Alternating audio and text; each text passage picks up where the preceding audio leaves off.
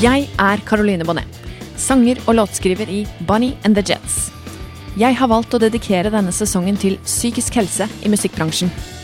Ifølge den svenske psykiateren Johan Kullberg er anlegg for psykisk sykdom koblet til kreativitet. Flere studier har vist at det er vanligere med psykiske lidelser blant kunstnere, forfattere og musikere. For meg er det viktig å være åpen om psykiske utfordringer. Jeg ønsker å belyse temaet i en bransje som kan være vanskelig å manøvrere seg gjennom, og hvordan tilstrebe god psykisk helse. Jeg kommer til å snakke med mange forskjellige spennende og interessante folk som har kjent på at livet kan by på utfordringer. Velkommen tilbake.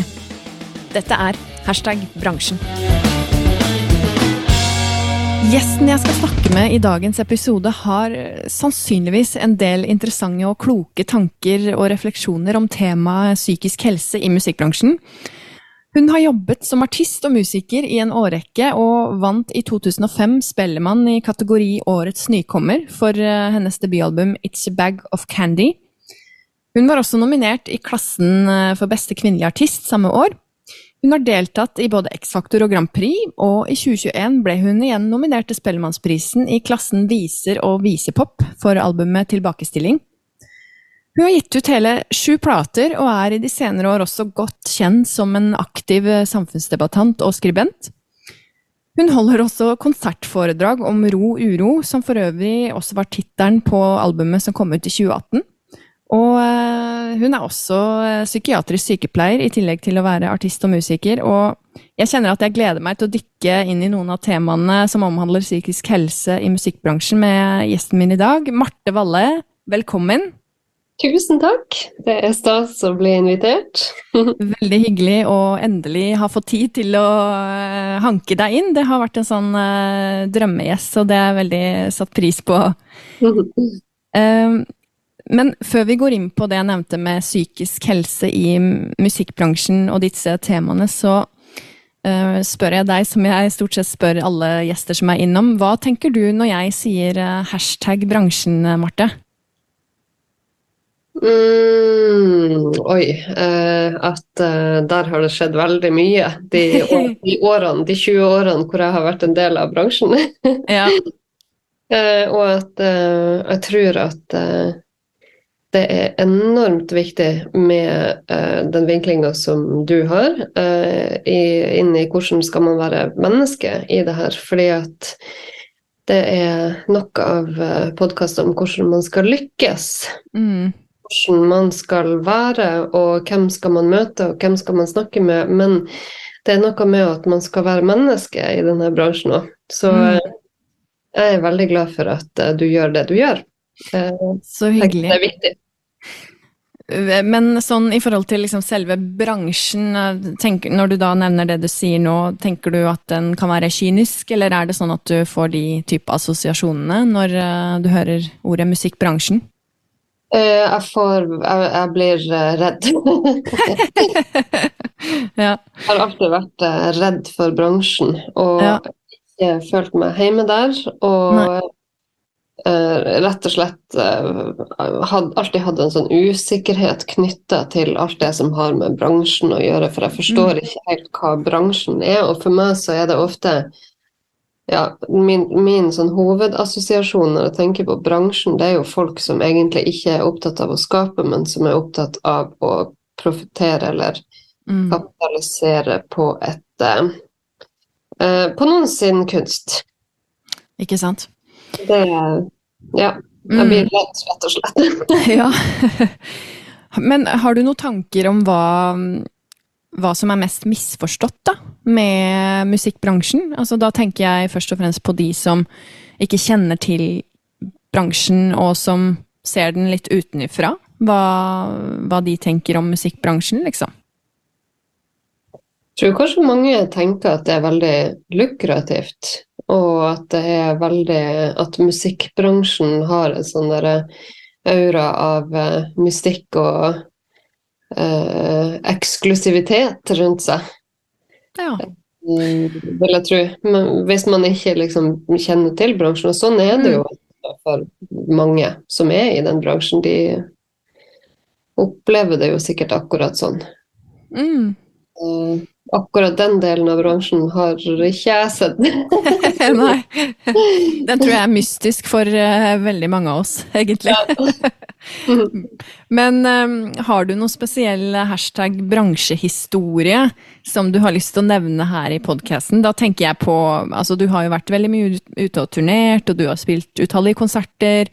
Du har vært, ja Sikkert sett og hørt mye rart. Er det noe sånn spesielt som uh, dumper inn i hodet når eh, jeg snakker om en hashtag bransjehistorie, noe du tenker at det kunne vel strengt tatt aldri skjedd eh, noe annet sted enn musikk, i musikkbransjen? Uh, ja, altså jeg har jo mange historier. Jeg skal ikke liksom gjøre noen forlegen. Men jeg har jo Det var jo um, en spesiell situasjon som gjorde veldig inntrykk på meg. Det var i i 2007. fordi at jeg vant jo Jeg ga jo ut den her første plata mi i 2005, og så mm. gikk um, flere av de låtene på den plata gikk masse på radio. Og jeg var veldig sånn ung og lovende på den tida der. Og mm. eh, spilte mye konserter. Så fikk jeg Spellemannsprisen, og så ble det enda mer. Og så eh, og så på den tida her, da, liksom, så like før jeg skulle ut med, med oppfølgerplata etter debutplata, så hadde jeg vært på min første reise i Palestina og, og vært vitne til um, hvordan den uh, sånn okkupasjon, da, eller akkurat denne okkupasjonen, hvordan det ser ut. Og jeg var veldig mm, sint og fortvilt og sånn når jeg kom hjem og hadde lyst til å bruke uh, musikken min til å fortelle om dette. Da. Så jeg hadde mm. vært i Halden i Athletic Sound og spilt inn i plate, og har alltid vært liksom sånn at ok, skal jeg få lov til å ha en stemme eller en plattform, så skal jeg bruke den til noe uh, som er større enn bare Eller noe som kan sette, noe, sette en agenda eller et eller annet. Ja. Og da ytra jeg ønske til mitt daværende plateselskap, som var et ganske sånn stort selskap, eh, om at jeg hadde lyst til å bruke promoen til neste plate til å snakke om dette og belyse situasjonen. Mm. Og da sa han bare til meg, han der sjefen, at uh, gjør du det, så er det ingen i bransjen som, som vil ta i deg etterpå. Oi. Og at uh, det å dra inn et, sånt, et så eksplisitt politisk engasjement i musikken, det er ekstremt usexy. Det var ordet han brukte. Men det kommer jeg aldri til å glemme. Oi, oi, oi. ja. Da var det sånn der eh, Ja, jeg brøt jo med de, da. Så um, Ja. Uh, ble det ikke noe samarbeid da, eller var det Altså gikk du med Inngikk du et slags kompromiss, og så på en måte avslutta dere samarbeidet senere, eller hvordan Altså kom dere fram til en sånn mellomvei, eller gyllen middelvei, heter det kanskje? Ja. Uh, nei, altså, jeg, jeg samarbeida ikke videre med han. Jeg fortsatte, fortsatte å samarbeide med en som hadde jobba i det selskapet. Men okay. som, ja. Det er jo et ganske godt eksempel, da, syns jeg. Mm. Mm. Hvorfor? For jeg var jo veldig på vei inn i det å skulle bli en kommersiell artist, men så har ja. jeg jo, uh, tror jeg, da liksom klart å ødelegge mye av det for meg sjøl, da. Gjennom mm. f.eks. Mm. eksplisitt politisk engasjement, fordi at det er i vår tid veldig vanskelig å forene de to mm. med kommersiell artistkarriere. Uh, ja. Uh, og det syns jeg er veldig problematisk, fordi at jeg mener at uh, kunsten og musikken spesielt har en sånn fantastisk uh, evne til å kunne skildre det som skjer i samfunnet, og, og, til å kunne være med på å skape engasjement og berøre mm. på andre måter enn en, um, nyheter og media gjør. Mm. Så det var ganske sjokkerende akkurat det der. At, uh... Ja, det skjønner jeg, og det syns jeg ja, var et godt eksempel på hvor kynisk og hvor uh, kommersielt noen da tenker, og at det ikke skal være lov å kanskje ha sine egne meninger og ta egne valg hvis man puttes i en sånn uh, popboks, da. Jeg har snakka mye med f.eks. Moddi om dette også. At ja. Fordi at han ga jo ut en fantastisk plate som heter Unsongs i 2018. Ja. Eh, som er en samling av forbudte eh, Eller musikk fra hele verden da, som har blitt bannlyst. Oi. Uh, og det er en fantastisk plate, men han merka jo, han sier jo det sjøl at han merka det veldig godt når han ga den ut, at da liksom var det mye av den der kommersielle interessen som man vanligvis merker ved plateutgivelser, den uteble da. Ja. Uh, og det har jo jeg òg kjent på i mange år, at det har vært Mm. Men så har det også vært en sånn kontinuerlig avveining av Mm. det jeg har lyst til å på en måte Mm. Altså så ekstremt at jeg må tenke for meg sjøl at hva er det jeg har lyst til å se tilbake på når jeg når jeg ligger på slutten av livet, liksom. Hva vil jeg se tilbake på at jeg har brukt stemmen min til da? Og da vil jeg jo heller eh, eh, ha stått for noe enn å ikke gjøre det. Godt sagt.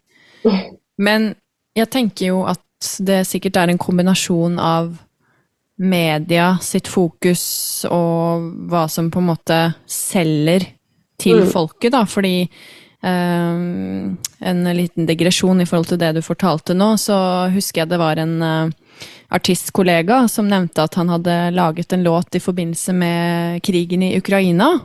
Mm. Eh, og følte at virkelig han hadde noe å komme med der, og at ja, jeg hørte låta, den var veldig fin, og hadde snakket med en redaktør i en, en av de største avisene i Norge, og hadde fått som svar at men dette er jo ikke noe revolusjon, at noen gir ut en låt i forbindelse med dette her. Så da Mm. blir det litt sånn ok, men det var jo egentlig ingen andre som fikk så mye oppmerksomhet rundt det heller. Så Mm. hvem er det som på en måte skaper hva som er synlig, da? Det er jo ganske interessant og provoserende på samme tid, egentlig. Ja. Mm. Og så lever vi jo i en tid hvor det er blitt fryktelig, fryktelig vanskelig å skulle være en ny artist som kommer med ny musikk. Ja. Så ja, Mm. men det kommer vi jo sikkert inn på etter Ja, det, det kan nok godt hende, ja. Eh, fordi Altså, du snakket om at du da Du vant jo den her eh, Spellemannsprisen i årets nykommer, og var som du sa sjøl, ung og lovende, og har du et spesielt minne fra din inntreden i musikkbransjen, når du tenkte at ja, nå er jeg vel kanskje en del av uh, bransjen her, eller hvor gammel var du da, når du trådte inn i den profesjonelle musikkverdenen? Jeg var vel um, 23. Ja. 23-24. Jeg husker når jeg våkna opp til den um, debutplata når den var gitt ut, for sånn som før i tida, i gamle dager, så var det jo Ja. kjempestas å gi ut plate, for da fikk man jo masse anmeldelser. Fordi det Ja. var så musikkjournalister før, det er det jo ikke nå lenger. Nei, ikke sant? Så det er på en måte de det har blitt færre av, og så har det kanskje blitt enda flere artister òg, for det er jo ikke sant, lettere å gi ut musikk, men eh, det er en annen sak. Men ja. Nei, da våkna jeg opp til en sånn terningkast seks i VG. Og da tenkte jeg liksom at um, shit, nå eh, har jeg fått liksom Nå er jeg artist på ordentlig. Ja, ja, ja.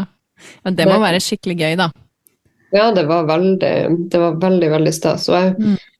har jo litt sånn her um, Hva det heter sånn uh, imposter syndrome, eller sånn inter, internalisert uh, sånn bedragersyndrom, at det er nesten sånn Ja. at Eller alle mine år i musikkbransjen har vært veldig prega av at det jeg gjør, har kanskje ikke noe verdi før det blir anerkjent av noen andre, da. ja, ikke sant? At du kjenner at det på en måte Du er usikker på den egenverdien i det, liksom? Ja, Mm. eller har jeg lov til å kalle meg Mm. artist, Ja, ja. lov til å kalle meg låtskriver, eller Det tror jeg mange kjenner på. Mm. Mm. Ja, jeg tror det. Um, og det er jo um, der, Man blir jo sårbar, da. Mm. I en sånn situasjon. Men da husker jeg i hvert fall at jeg tenkte at ok, med den liksom, anerkjennelsen, da har jeg lov til å kalle meg artist på ordentlig. Ja, ikke sant? Det var fint. Ja, kult. Og da var det full turné og full pakke da, i etterkant av det plateslippet, eller? Den første Ja. Mm. Ja, ja, vi var jo nesten sammenhengende ute og spilte i to år, tror jeg. Oi! Og bare ute på veien og kjørte rundt i Norge og spilte på alt mulig slags plasser. Artig. Det var en veldig, en veldig fin tid. Ja. Men Mm. eh, hvordan endte du opp med å gi ut en plate såpass tidlig, da? For det er jo altså relativt ungt, da. 3-24. Eh, album da har du på en måte brukt en del tid på å kanskje skrive de låtene først, og hatt en sånn modningsprosess i det å lage musikk, tenker jeg. Var det, Starta du veldig tidlig, da, med at det var dette du ville drive med? Ja, jeg har skrevet musikk eh, siden jeg var liten. Ja. Eh, så eh, helt fra jeg flytta hjemmefra når jeg var 19, så begynte jeg vel egentlig å mm, Eller jeg hadde jo allerede holdt på med det hjemme da, og spilt mange år i band og mm. på musikklinja og sånn. Og så eh, når jeg flytta hjemmefra til Trondheim, så begynte jeg vel egentlig ganske sånn umiddelbart å samarbeide med forskjellige folk rundt omkring i studio, bare for å eh, ja, bare for å ha det artig og, jobbe med, med, med, ulike uttrykk og sånn. Og, og, så var jeg så heldig at jeg traff uh, en som, som, var, som, da ble en veldig nær uh, produsent i mange år, som, en som heter Pål Brekkås, som nå uh, er produsent i Brygga Studio i Trondheim. Ja. Og vi forsto hverandre veldig veldig godt sånn musikalsk og hadde sånn enormt bra kjemi. Så da, og han jobba jo da i studio, så da ble det liksom natt og dag. Ja, ikke sant. Um, det, var, det var, egentlig bare det vi holdt på med, og forska og spilte og hmm. Kult. Men ble du signa i et stort uh, label da, eller var det Altså, den plata her, kom den ut på var det et eget plateselskap, eller var det en av de store, eller hvordan funka det? Nei, den kom ut på et lite sånn Trondheim-selskap. Ja. Eller den første EP-en, og så mm. kom den, eh, den, plata, da, som, ja. Som mm. det gikk veldig bra med. Men det var et sånt lite indie-label i Trondheim. Ja. ja. Men vi kan komme litt tilbake til eh, hva du tenker om eh, hvilke endringer som har skjedd i musikkbransjen og sånn litt seinere, men nå har jeg litt lyst til å dykke inn i psykisk helse-temaet, ja, fordi der har vi jo mye å snakke om. Vi er jo psykiatriske sykepleiere begge to, så vi har jo noe felles der òg. Men hvordan tror du det står til med den generelle psykiske helsa i musikkbransjen, Marte? si det. Det er vel sikkert litt sånn som den i befolkninga. Litt frynsete? ja, jeg tror vi er jo er mange som er frynsete, men ja. uh, i hvert fall det som um, Jeg kan jo bare snakke fra meg sjøl. Mm. Og jeg er jo i den situasjonen at jeg har vært i bransjen nå ganske lenge, og uh, det er 20 år siden eller snart 20 år siden første utgivelse. Og og jeg har sett liksom hvor ting har endra seg veldig da, på de årene. Mm. Og kanskje det jeg syns er aller mest krevende med å skulle forholde meg til det å gi ut musikk nå, det er jo at um, det føles så ufattelig flyktig.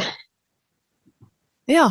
At eh, den der eh, tomheten som kommer av å sende musikk ut i sosiale medier nå, den uh, tror jeg at veldig mange som uh, syns er tøff. Fordi at oh, yes. verden der ute går så, den går så fort, og det, det, skjer så mye. Og det kommer så mye musikk hele, hele tida. Jeg vet ikke hvor mange låter det er som gis ut hver eneste dag, men jeg, 45 000 eller noe sånt på verdensbasis? Det er helt vanvittig. Mm. Uh, sånn at uh, jeg hvert fall har, og jeg har skrevet åpent om dette i mine sosiale mediekanaler før, og at eh, det koster enormt mye sånn mentalt og, og følelsesmessig å legge sjela si i et arbeid som man skal sende ut i verden, og som man føler Altså det er på en måte opp til deg sjøl som individ å klare å holde dette i live og gjøre nok inntrykk på mennesker som sitter og liksom blir bombardert av tusen inntrykk hele tida. Mm. Um, og så skal det feste seg på en måte i en verden som er så flyktig at man nesten ikke klarer å henge med sjøl engang. Veldig eh, bra sagt. Jeg kjenner meg så enig i det, og det tror jeg veldig mange andre artistkolleger også gjør, at det er eh, Det blir et slags sånn vakuum.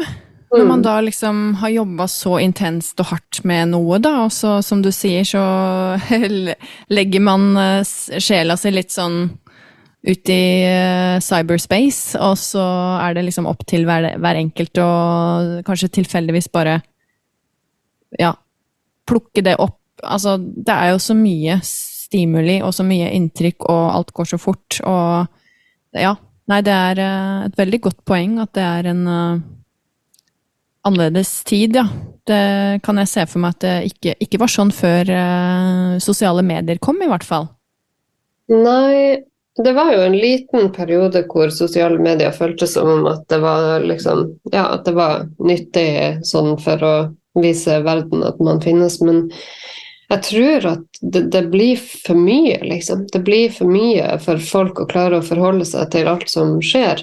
Mm. Og ikke minst så skal jo ikke Altså, jeg blir jo um, Jeg blir sånn ordentlig, ordentlig nedtrykt av å bruke masse tid på å prøve å Uh, markedsføre meg sjøl i sosiale medier. Så det har jeg liksom nesten slutta med. Jeg orker ikke. For jeg, jeg blir nedtrykt av det. Og, og, så tenker jeg at det skal jo liksom ikke være jobben min heller, men det er sånn det har blitt. Og det der å kjenne, kjenne på det der ansvaret at oi, shit, hadde det gått bedre med den der singelen jeg ga ut hvis jeg hadde bare gjort enda mer, eller hvis jeg hadde som kjørt noen sånne reklamekampanjer. Altså det er liksom sånn her det, det, er så sammensatt, det her. Og den, mm. det føltes før, når man ga ut musikk, og det faktisk fantes ganske mange musikkjournalister som eh, jobben deres var å skrive om og anmelde ny norsk musikk. Mm. Um, så føltes det på en måte litt som om at det var en, en større sånn seriøsitet over det å bli tatt på alvor. Ja. Nå er vi jo kommet dit at de driver og vurderer å legge ned hele kulturredaksjonen til Dagbladet f.eks. Og det sier jo bare litt om, um, mm. om hvor vi er. Tenk på det.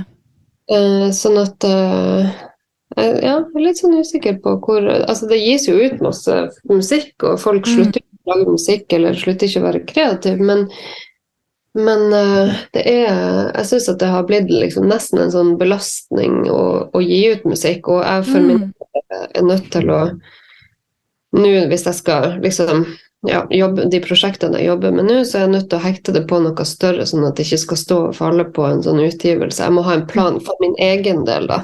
Mm. Jeg blir, så, jeg blir så tom og lei meg av å gi ut musikk sånn som det er akkurat nå. Mm. Det det kan jeg, ja, som sagt, kjenne meg igjen i, og det tror jeg er veldig sånn gjenkjennbart for eh, mange i den tida vi lever i, da. Sånn om det ikke er musikk, og altså kan være andre ting også. Folk som lager ting, eller skal prøve å skape noe nytt, da. Mm. Uh, at det er veldig vanskelig å fange folks oppmerksomhet, fordi det skjer for mye, og det er for mange tilbud overalt hele tiden, og ja, nei. Det er um, rare tider vi lever i. Mm, ja, det er det. Men jeg har litt lyst til å spørre deg angående ro uro. Altså, for du har jo da skrevet og komponert et album med den tittelen, og har lyst til å fortelle litt om det, og hvilken balanse det ligger i å komme inn og ut av roen, mm. sett og vis. Ja, det var faktisk et prosjekt som ble til på jobb. Fordi at jeg begynte å reagere på hvor mye medisiner vi drev og skrev ut. Ja. Hvilken det, jobb var det du hadde da? Eller har? Ja, nei, har, Som sykepleier så har jeg vært tilknytta to ulike uh, arbeidsplasser. Det ene er akuttposten for rus ved Bergen legevakt, og så er det en sengepost for psykoselidelser. Mm. Uh, og dette var på denne sengeposten, da, og, um, jeg føler jo på en måte at det er jeg, i, den, I de åtte årene jeg har vært sykepleier, så er det helt enormt mye av disse medikamentene som er sterke og, og potensielt avhengighetsskapende medisiner, som blir skrevet ut av med denne årsaksforklaringa uro. Mm.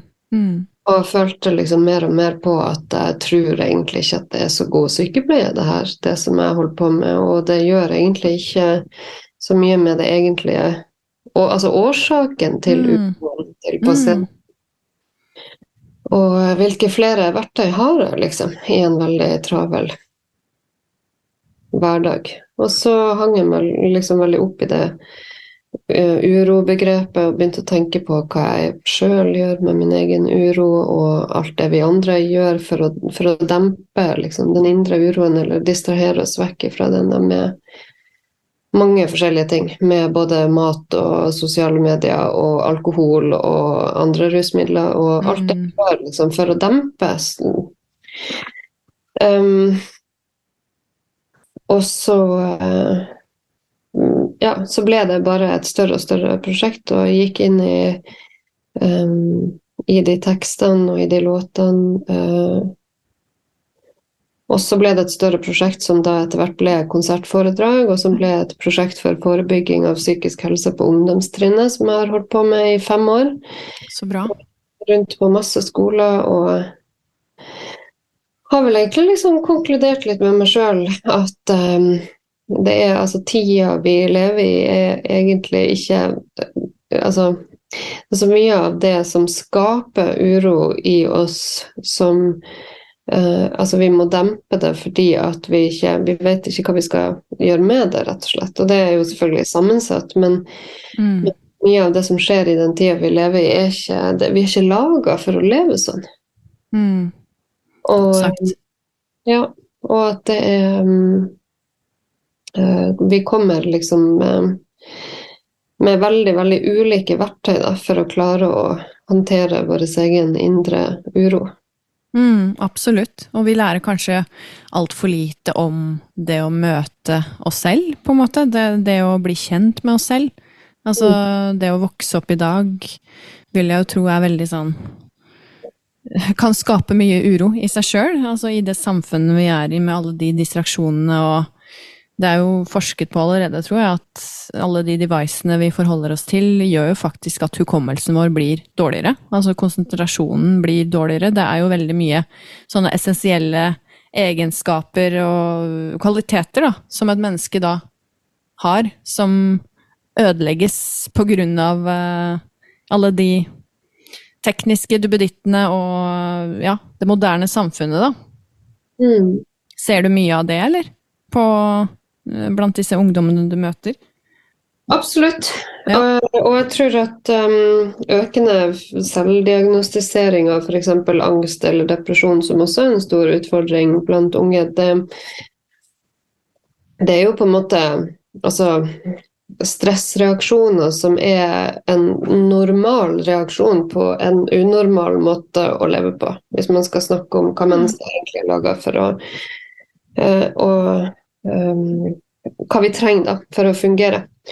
Mm. Men jeg syns at den der, den, det kom en, en, amerikansk studie uh, for en stund siden som viser at den massive økninga i psykiske plager og utfordringer hos tenåringer i USA, den starta med å skyte i været i 2010. Og I 2010 så kom det den første telefonen fra iPhone med et kamera som du kan vende mot deg sjøl. Da starta på en måte denne selfie-kulturen mm. uh, som um, jeg tror er kanskje en av de største uh, utfordringene når det kommer til sosiale medier og telefoner. Fordi Ja, fordi ja.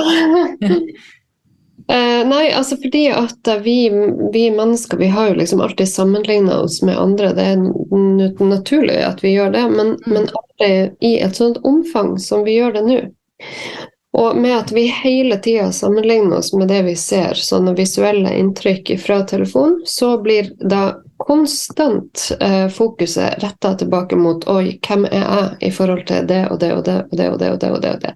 Mm. Ikke bare at man sammenligner seg med kropp og utseende, eller sånn, men et menneskets liv og prestasjoner, det man lykkes med, alle høydepunkt, alt som eh, sosial vellykkethet, alt dette. Mm. Så hver eneste gang jeg ser et eller annet som på en måte minner meg på om at oi, sånn er ikke jeg, eller sånn er ikke mitt liv, eller det har ikke jeg fått mm. til, mm.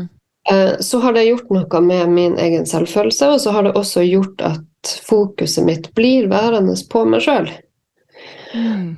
Og de fleste um, av disse niendeklassingene som jeg møter, de har skjermtid Jeg spør dem alltid om det. Ja. De har skjermtid mellom fem og åtte timer per dag. Og det er, ganske, For da er de på TikTok, og de er på Instagram, og de er på Snapchat, bortsett fra de som gamer, da. Eh, men det er jo sånne veldig visuelle apper hvor det er masse som er morsomt, og det er masse som er gøy, men det er også veldig, veldig, veldig mye som gjør at punkt én, fokus blir retta tilbake på meg, og hvor jeg sammenligner meg med andre. Og så er det at grensene hele tida flyttes for hva man ser av sex og porno og vold og alle disse andre tingene. Mm. Så jeg tror at det som gjør oss mest ulykkelige, det er rett og slett det der at vi har for mye fokus på oss sjøl. Mm. Sammenligna med andre, da. At vi, det blir en sånn konstant uh, måling med mm. Ikke sant. Ubevisst stort sett, da, egentlig. For man reflekterer jo ikke så ofte over det, og det er jo sikkert en del av disse ungdommene som kanskje ikke har tenkt på det engang. Mm. Men ja, det er jo uh, en sånn veldig usunn greie, da. Det å Hvis man da har eh, noen minutter til overs, så Jeg tar meg sjøl i det innimellom, jeg. Titt og ofte. Bare ok, nei, men da satt jeg der og scrolla på sosiale medier, gitt. Det, det er jo ikke sunt. så man må sette grenser for seg selv også. Ja, ja. Vi er jo like avhengige, alle sammen. Ja, ja. Jeg, jeg, jeg sliter med det sjøl. Jeg har en, en 14-åring Mm. Jeg har en 14 år gammel jente og prøver å være et, eh, et forbilde, og, men det er utrolig vanskelig. Og mm. dette er telefon. Og mm. jeg må liksom anstrenge meg for å velge bøker istedenfor telefon. Mm. Og jeg er blitt mye mer ufokusert, mm. både når jeg skal lese eller når jeg skal jobbe med ting. Mm. Jeg har, jeg har, sikkert fem bøker nå som jeg har begynt på, og som jeg bare ja. Mm. Så det er, mm, det, det er mange ting her som, som, gjør det veldig problematisk. Og jeg tror Det som kanskje traff meg aller mest, det var en sånn kronikk som var skrevet Jeg husker ikke hvem som skrev den, men, men det var en som jeg har på Facebook, som skrev om at at han sørger mest over alt det menneskelige potensialet som forsvinner i den passiviteten som oppstår. For hvor mm. kommer kreativitet fra? Jo, det kommer jo fra at man, når hjernen er i den modusen der kreative tanker skal komme, så må man jo ikke være liksom under stimuli i akkurat mm. den fasen. Mm. Men hvis man aldri er liksom ikke blir stimulert, så Og, og dette med at liksom i ungdomstida og i begynnelsen av 20-årene sånn at man skal jo liksom prøve å finne ut av hvem man er, da, og hvor vanskelig det er å gjøre det hvis man hele tida blir mm. sammenlignet med alt det andre som finnes der ute, der man ikke vet hva som er virkelig, og hva som ikke er det. Ja. Det er uh, komplekse greier, altså. Og det, ja, veldig Hørtes ut som en veldig bra kronikk, det å Altså det At man på sett og vis har forflytta seg litt ut av det menneskelige, da, på en måte. Det, mm. den, det å kjede seg er vel kanskje ikke så vanlig lenger, selv om mange egentlig gjør det uten å vite det. Mm. Ja. Men tror du at vi alle har en sånn uro som kommer krypende innimellom, uavhengig om man da har Uh, altså om man lever i det moderne samfunnet eller ikke. Tror du det er en sånn innebygd menneskelig greie? Eksistensiell ting å ha mm en sånn ro-uro-ting? Absolutt, det tror jeg. Og jeg tror alle har, eh, alle har en eller annen form for uro. Eh, med ulike årsaker, selvfølgelig. Mm. Um, jeg fant i hvert fall ut i det arbeidet med den, med den plata da, og de tekstene at veldig mye av min uro handler om nettopp det der frykten for å ikke være alt det som jeg tror at jeg må være. Ja. Um, og at uh, motgifta mot min uro har vært å forsone meg med at um, uh, jeg, jeg, veldig mye av livet mitt ble ikke sånn som jeg hadde tenkt, uh, men så ble det bra allikevel. Mm. Og at jeg er ikke Altså jeg er ikke feilfri, jeg gjør feil, og jeg, kan, jeg lykkes ikke med alt. Og i et sånt samfunn hvor det er så ufattelig mye fokus på alt man skal lykkes med å prestere, så trenger jeg å, også vite hva jeg skal gjøre når jeg ikke lykkes. Mm, mm. Jeg trenger å, å liksom normalisere at like ofte, så, eller kanskje oftere, så lykkes vi ikke. Ja. Um, og, det er jo der sosiale medier feiler. Big time, da, egentlig. Mm. Men jeg føler jo at det har blitt bedre, da. At vi har blitt mer bevisst på Eller at vi har fått bedre forbilder på sosiale mm. medier. Mm. Jo da. Som gir oss et mer nyansert bilde av um, hva det vil si å leve og være menneske. Og, mm. men, um, men, det ligger veldig mye sånn ro i det å for meg bare liksom akseptere ting sånn som de er. Ja. Og, at, uh, og, og, da mener jeg alt, liksom. Da mener jeg uh, kropp og utseende og karriere og uh, hva jeg liksom, hva jeg mestrer og hva jeg rekker over, og hva jeg liksom all, Med alle mine feil og mangler da, som menneske, så mm. aksept har blitt et sånt kjempeviktig ord for meg. For det, mm. Det ligger en sånn Det ligger en veldig ro i det.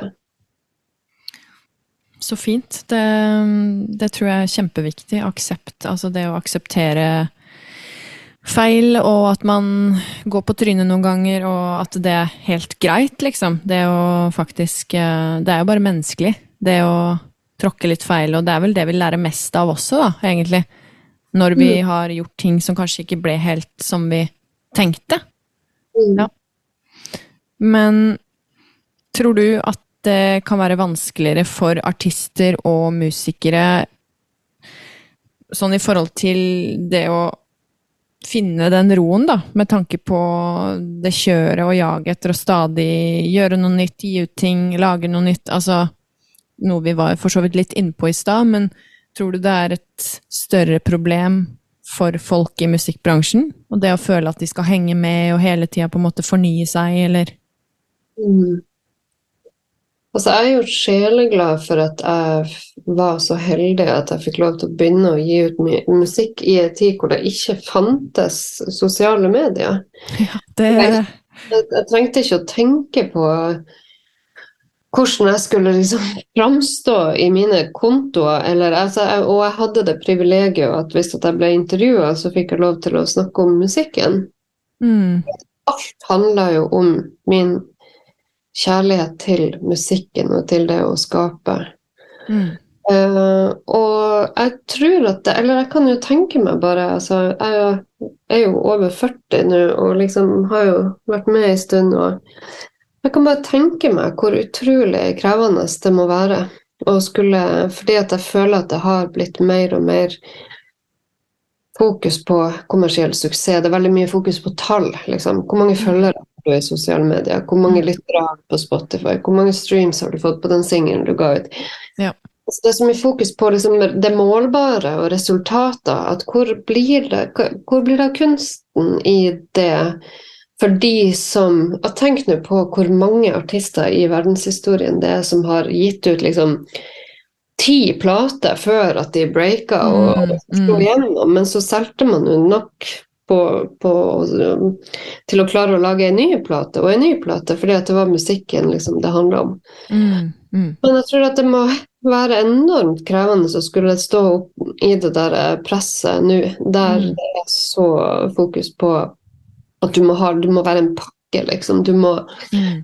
du må være en person som når ut på sosiale medier og til mange, og du må mm. også liksom lage musikk som som selger, eller som skiller seg ut da, for resten. Mm. Og jeg ja, er krevende. for det der. Jeg orker ikke. Nei. Men jeg syns det, liksom, det, er bekymringsverdig, da. For mm. ja. hvor kunsten blir av. Det er veldig kloke ord, og det tror jeg nok er en del som kan kjenne på at det ofte er det mest slitsomme, den pakka rundt. Selve mm. det man egentlig da har lyst til å drive med. Det å skape musikk, det å være kreativ og ja, være i eh, den prosessen, da, og kunne spille konserter, og, men så blir det da så mye distraksjoner og ting rundt som da tilsynelatende har så mye mer å si, da, ifølge de som måler ting rundt, på en måte. men, uh, ja.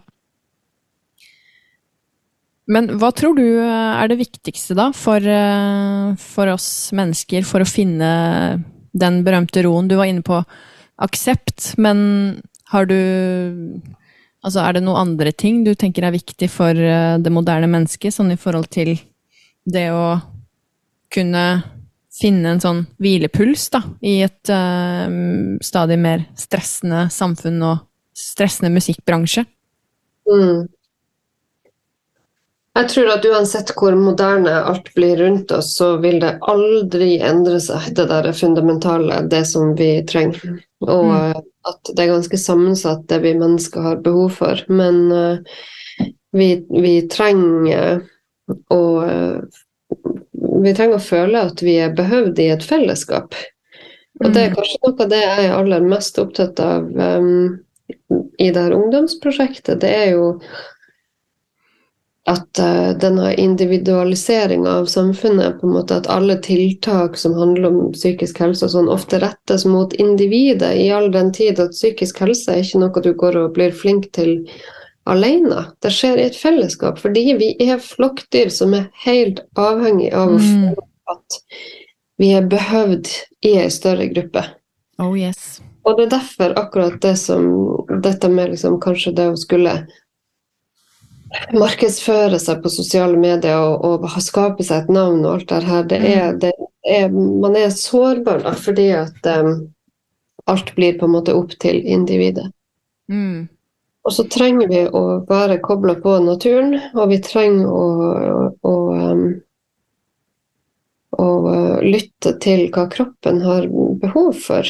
Uh, da mener jeg ikke på en sånn der helseoptimalisert måte der du skal tolke liksom, pulsen din i løpet av et døgn og få et sånt regneark på, på hvordan du mest mulig skal, um, skal optimalisere din egen helse. Men, men, det der å lytte For kroppen er jo veldig klok, og den sier som regel ifra i god tid før det smeller.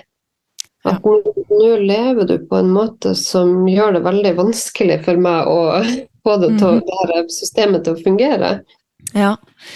Og så er det ja, ja, så bare, Jeg skal bare si det siste. Jeg tror ja. at kanskje tror jeg det viktigste for vi som skal være i denne bransjen, da, det er å være kompromissløs eh, Eller altså være kompromissløs overfor egen integritet. Ja. Fordi at de periodene hvor jeg har vært mest ulykkelig og nesten deprimert, det har vært i de periodene hvor jeg har forsøkt å lage musikk som jeg tror liksom skal slå an. Mm. Ja. Men å, lære seg å Fordi at man skal bygge karrieren. Det her lærte han Ola Bremnes meg når jeg var 20 år, og jeg er så takknemlig for at han sa det. Ja. Om jeg liksom har glemt det innimellom, så at, så sånn at en, en langsiktig karriere i musikkbransjen og et kunstnerskap, det er liksom noe som skal bygges stein for stein, én og én mm. ting om gangen, og så skal du kunne se tilbake på en karriere som du skal kunne være stolt av. Mm. Du har tatt valg som var i tråd med din egen integritet og, og din egen um, uh, din egen stemme. Mm. Det tror jeg kanskje er det viktigste vi gjør for å vare i denne bransjen. Kloke ord der, altså. Virkelig. Men uh, ja, apropos det å lytte til kroppen, så kom jeg på at jeg faktisk holder på å lese en bok som heter When the Body Says No. Og mm. den handler om uh, hvordan kropp og sinn hører sammen, da, og hvor ko-ko det er at man hele tida har behov for å skille Mm. Eh, psykisk og fysisk, og hvordan da den tradisjonelle medisinen, i hvert fall vestlig medisin, eh, har egentlig da gjort det til to separa separate enheter, når det da egentlig er Det henger sammen, da. Så det er liksom noe med Ja, rett og slett det å lytte og hvordan, altså, hvordan kronisk stress, for eksempel, over tid kan forårsake sykdom og at man da Viktigheten av det å lytte til litt sånn diffuse symptomer og vage tegn da, på at det faktisk kanskje er på tide å stoppe litt opp og tenke Har jeg det bra med meg selv, eller gjør jeg ting som er bra for meg? Mm. Men da er det jo kjempeviktig å huske på når vi snakker om akkurat dette, også at det på en måte Hvis vi skal snakke om bransjen, da, at, mm. at det bare ikke blir uh, opp til individet. fordi at uh, sånn som vi, jeg og du, vi har uh, en profesjon til som vi kan lande oss på. Vi vet at vi har jobb hvis, at, hvis vi skulle ha behov for å ha pause fra bransjen. Um, mm.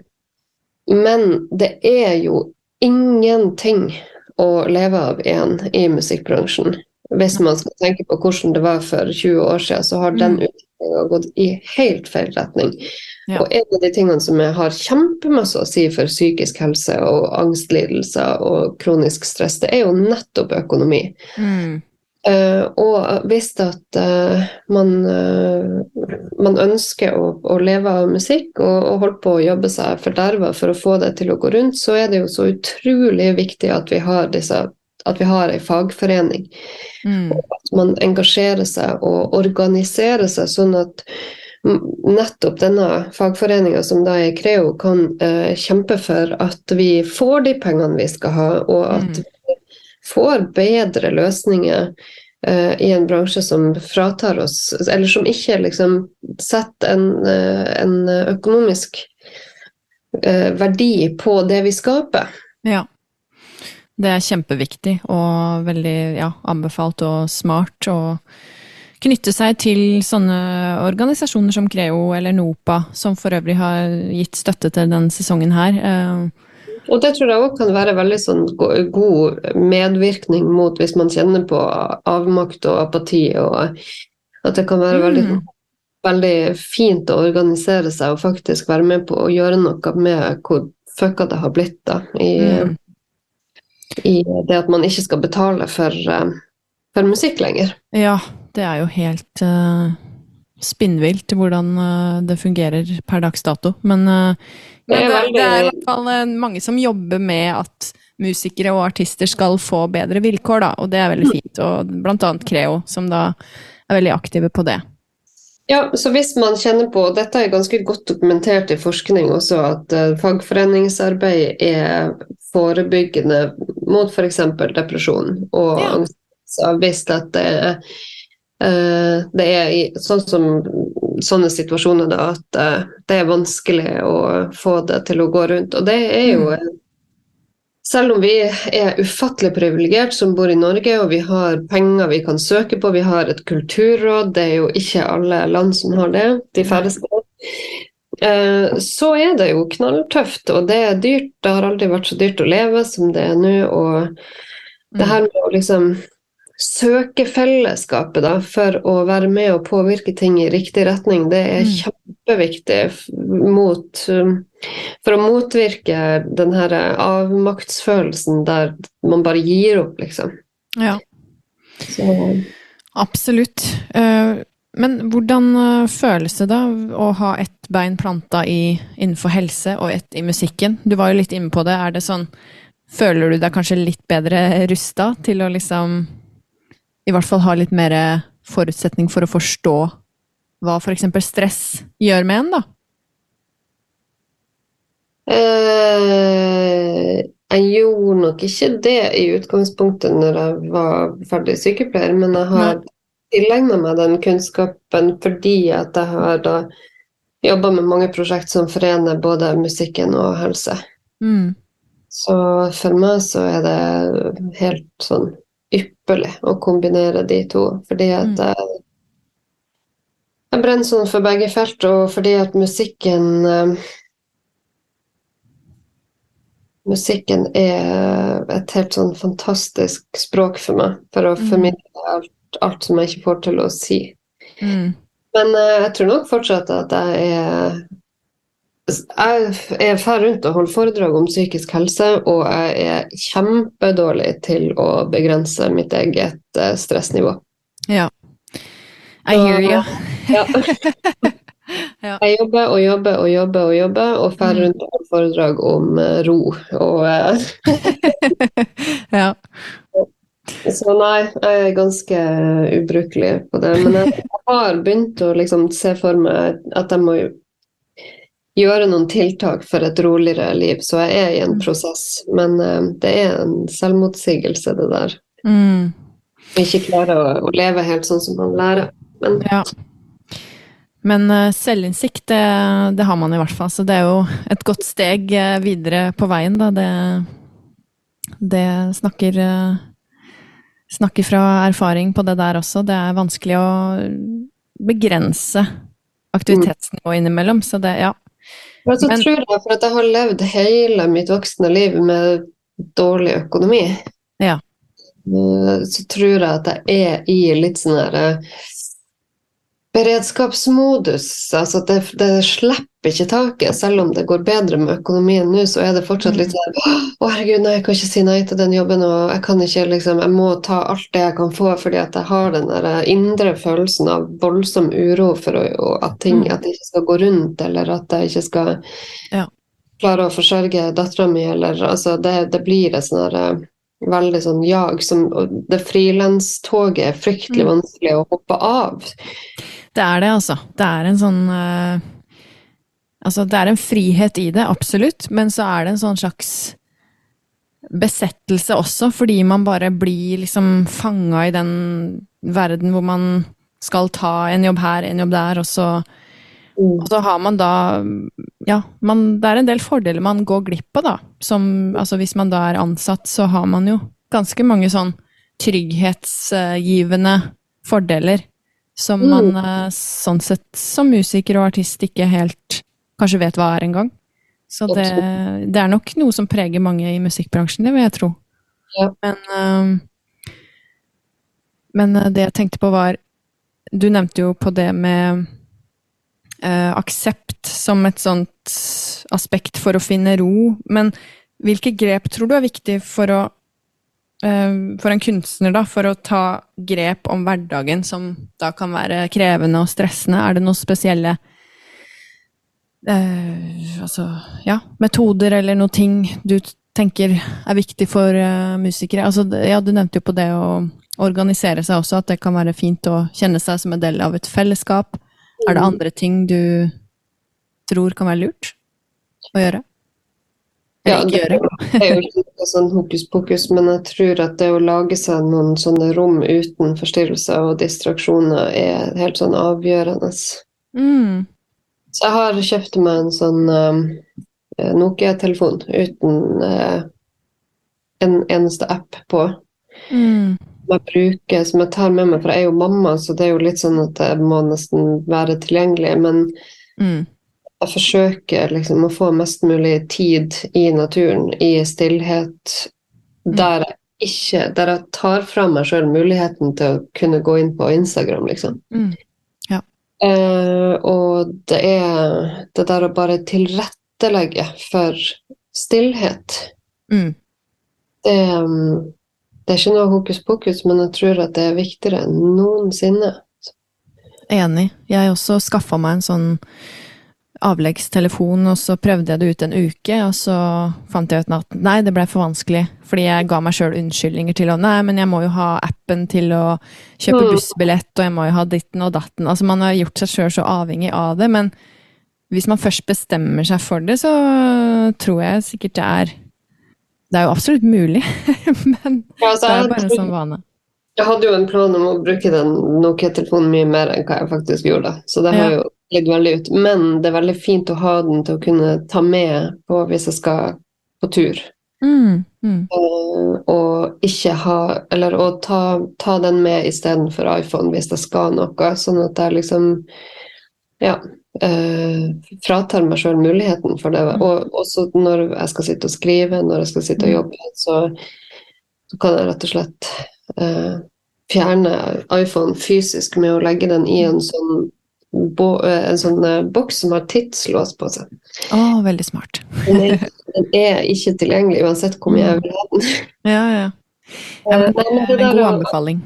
Ja, være i naturen rett og slett, og i stillhet. Det tror jeg fordi at vi trenger Jeg trenger i hvert fall det. da. for å kunne skape så må jeg lete innover. Mm. Ikke utover og se hva alle andre holder på med, men jeg må mm. Finne liksom de nye ideene inni meg sjøl. Mm. Det tror jeg er veldig smart. Men sånn eh, på tampen av eh, praten vår eh, nå, Marte, hva, hvis du skulle gitt deg sjøl noen gode råd når du var ung og lovende og skulle inn i den store, stygge musikkbransjen Hvis du ser mm. tilbake og ville gitt deg sjøl noen råd, hva ville det vært? Mm.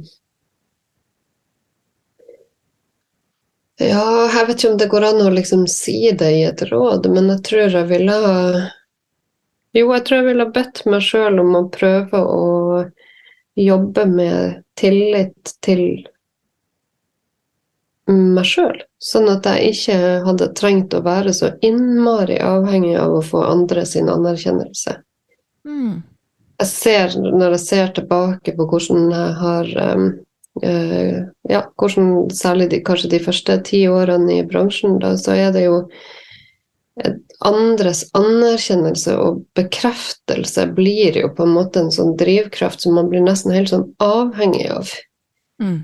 Og hvor jeg har liksom jobba mye med disse tingene de, de, siste årene, og ikke lenger kanskje kjenner like mye på det, da, og det mm. behovet, så, så, ser jeg jo at det har vært veldig slitsomt, fordi at um, i musikkbransjen så går det jo sånn, ikke sant, og så blir det stille i lange perioder. og du skal tåle ganske store svingninger altså, med å være i denne bransjen. Og, og, og hvis jeg liksom definerer min verdi ut ifra andre sin anerkjennelse, så hvem er jeg da, hvis jeg gir ut ei plate som ikke blir lagt merke til, eller jeg ikke får noen mm. bekreftelse fra at jeg blir sett, eller at noen får med seg altså det, mm. det er veldig skjørt. Ja. Så jeg tror at uh, det, det, er liksom like viktig at man får en trygg plattform i seg sjøl, og at man um, kanskje løser, prøver å liksom løsrive seg litt ifra uh, at andres anerkjennelse skal definere liksom egen verdi. Godt sagt. Det får bli de siste orda i denne episoden. Tusen, tusen takk for at du eh, tok deg tid i kveld, Marte, til å skravle med meg. Det satte jeg veldig pris på. Veldig fint å bli invitert. Tusen takk. Ha det godt, da.